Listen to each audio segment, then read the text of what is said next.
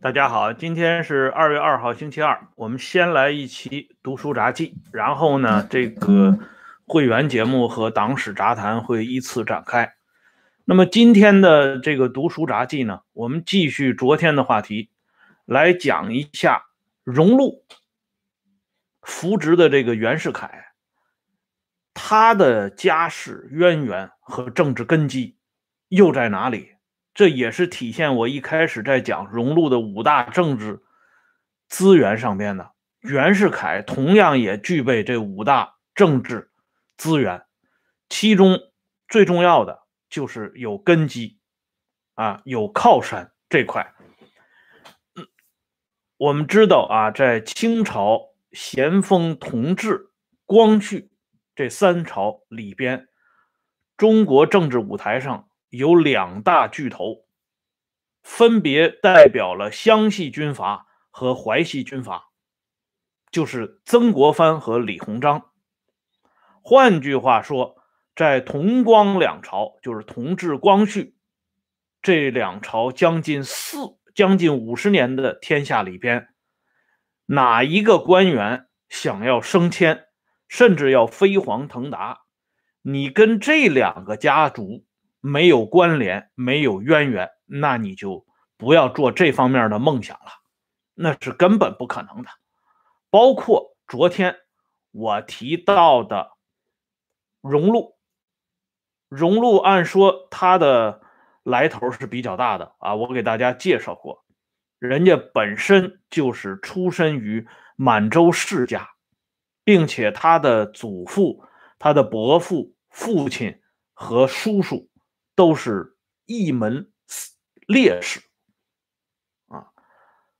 即便是这样，荣禄也是因为跟曾国藩家族有直接的关联，并且与李鸿章交厚，这样呢，他在政治仕途上边要进一步的发展，这两大家族形成合力，对他起到一个全面烘托的作用。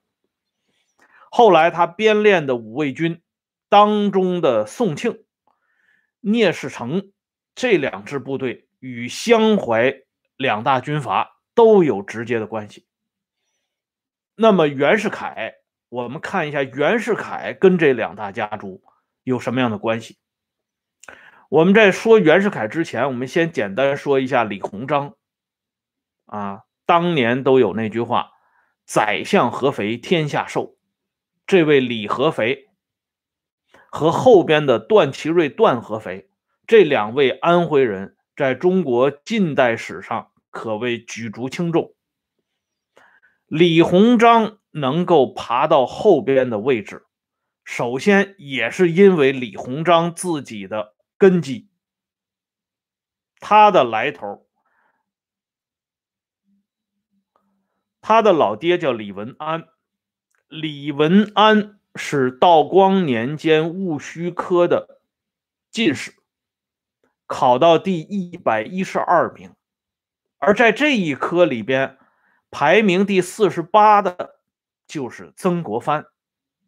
换句话说，李鸿章的老爹李文安跟曾国藩是同榜进士，这在科举年代，这是很近的一一层关系。所以后来李鸿章到北京参加会试的时候，他是以世交的身份、世交晚辈的身份住在曾国藩家里，接受曾国藩的教导，时间长达一年。从这个关系上边，我们就可以看到李鸿章同曾国藩人家早有渊源，并且。李鸿章后来参加会试的时候，曾国藩一度做过这一次考试的考官之一。虽然在这一次会试当中，李鸿章落榜了，可是曾国藩对李鸿章的卷子非常欣赏。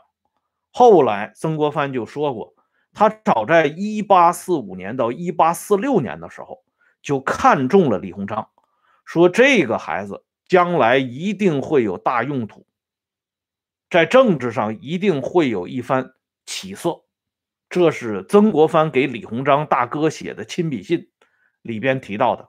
果然，在一八四七年，李鸿章就考中了进士。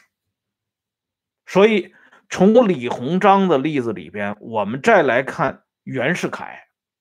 哎，袁世凯的祖父叫袁树山，袁树山有个亲弟弟叫袁甲三。那个年代是大家庭啊，所以袁世凯呢，呃，管这位叔祖父袁甲三，那也是要叫爷爷的啊。当然了，那不是他亲爷爷，是他二爷爷。这个袁甲三跟曾国藩和李鸿章就颇有渊源。袁甲三和曾国藩。是同班同学。当时曾国藩受教于宋明理学的著名大学者、大学问家、蒙古籍的大学士倭人，而袁甲三也在倭人的门下受教，因此曾国藩和袁甲三之间关系不错。这是与曾国藩家族攀上关系了，而袁甲三后来以兵部侍郎衔儿到安徽办理团练事务，就是为了镇压太平军和捻军。当时安徽办团练最厉害的几家，比如说吴廷香、吴长庆父子，还有张树声。啊，周盛传兄弟等等，而这个中间呢，李鸿章帮助刑部侍郎吕贤基回安徽帮办团练，这样呢，李鸿章同袁甲三之间就有了关系了，并且还有一层渊源，就是袁甲三的儿子在。李鸿章的幕府当中，长期受到信赖、信赖和信任。哎，这相当于是袁世凯的堂叔，所以袁世凯又有了这么一层原因，跟李鸿章家族发生了关系。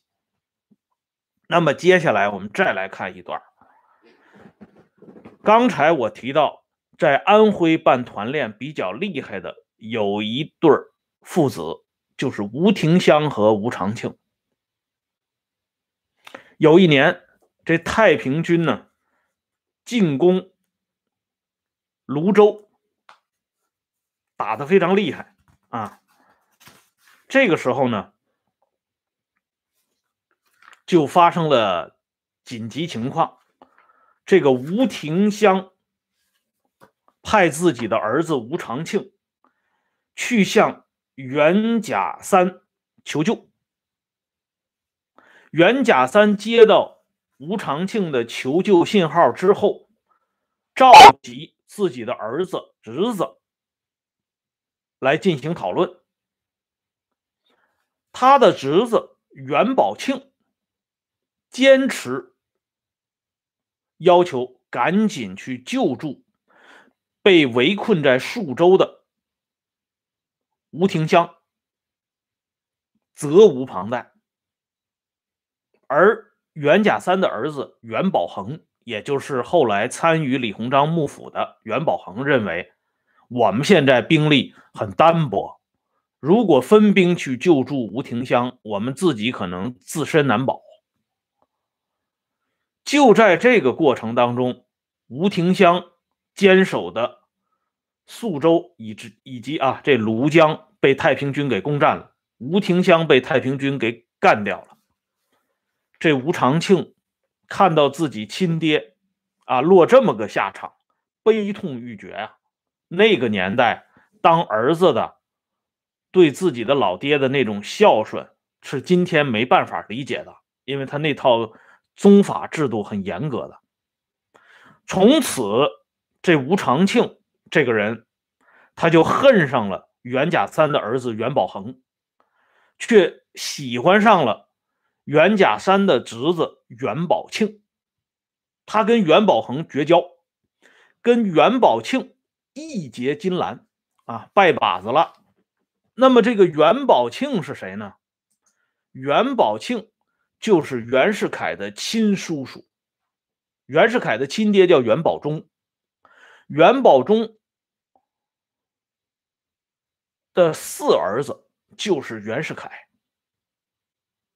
而袁宝忠的亲弟弟袁宝庆自己没有儿子，所以他把袁世凯过继到自己门下。当儿子来养，由此袁世凯攀上了吴长庆这一支儿。后来我们都知道，袁世凯发迹崭露头角的地点是在朝鲜，而当时正是吴长庆率部进入到朝鲜半岛。如果没有当年袁宝庆积极主张救援吴长庆的老爹吴廷香，与吴长庆因此八拜成交。袁世凯就不会有这个台阶儿啊。那么，袁世凯的这个养父袁宝庆，对袁世凯这一生的影响太大了。袁宝庆这个人做过一个很肥的这个缺分，就是严巡道，江南严巡道。当时我们知道啊。这个朝廷盐铁这块啊，盐巴和铁器这块是由朝廷统管的，是专卖啊，旁人不准触碰。所以在一些重要的地区设立盐巡道，就是专门负责盐业经营的啊，类似于今天的盐业总公司，但是。它有行政级别，它是一级政府，特别是这江南地区，江南的盐商那是富得流油啊！当年乾隆皇帝下江南，江南的盐商报效的银两犹如泥沙一样，所以袁世凯的养父袁宝庆做到江南盐巡道这个位置上，带着袁世凯小小的年纪。到了南京那么个花花世界，袁世凯就见世面了。咱们说呀，这个孩子在小的时候能够见证一些大场面，这对他将来的成长是很有帮助的，增加他的游历和阅历。更主要的是，他的这位养父袁宝庆这个人很有政治抱负。他有一番啊非常呃精彩的论断，这个论断即便是在今天听起来，还非常符合中国官场的规律。所以说啊，这袁世凯从小耳熏目濡啊，得到的教诲就是来自于这位养父，他的亲爹当初啊，这个前几天我给大家。直播的时候说过，这袁宝忠教育他儿子想当大官八个字啊，杀人放火。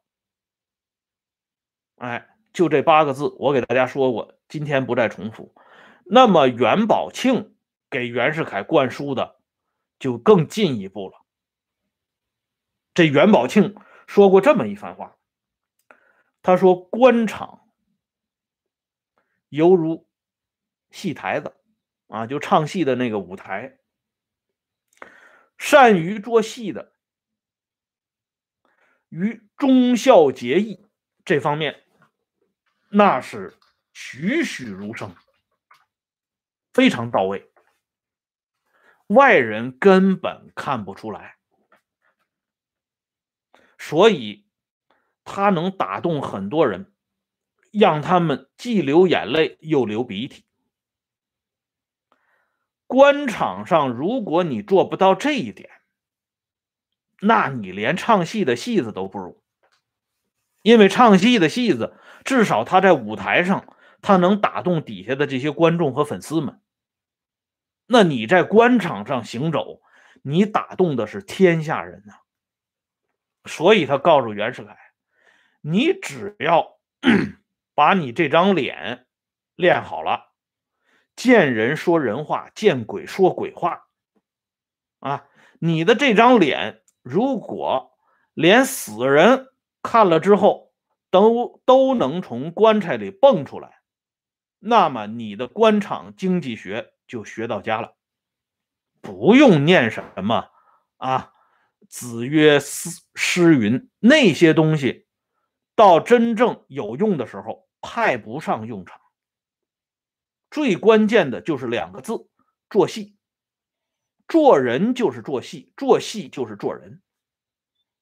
这袁宝庆专门写过一本书啊，就是谈他自己的这个做官的经历和他的一些感慨和经验，而且他对这个养子。”袁世凯非常喜欢，就这么一个儿子，哎，对袁世凯呢，极尽培养之能事，给袁世凯讲了这么一番话，并且呢，结合当时的一些实际的例子，袁世凯这幼小的心灵里，从此就开始生根发芽了。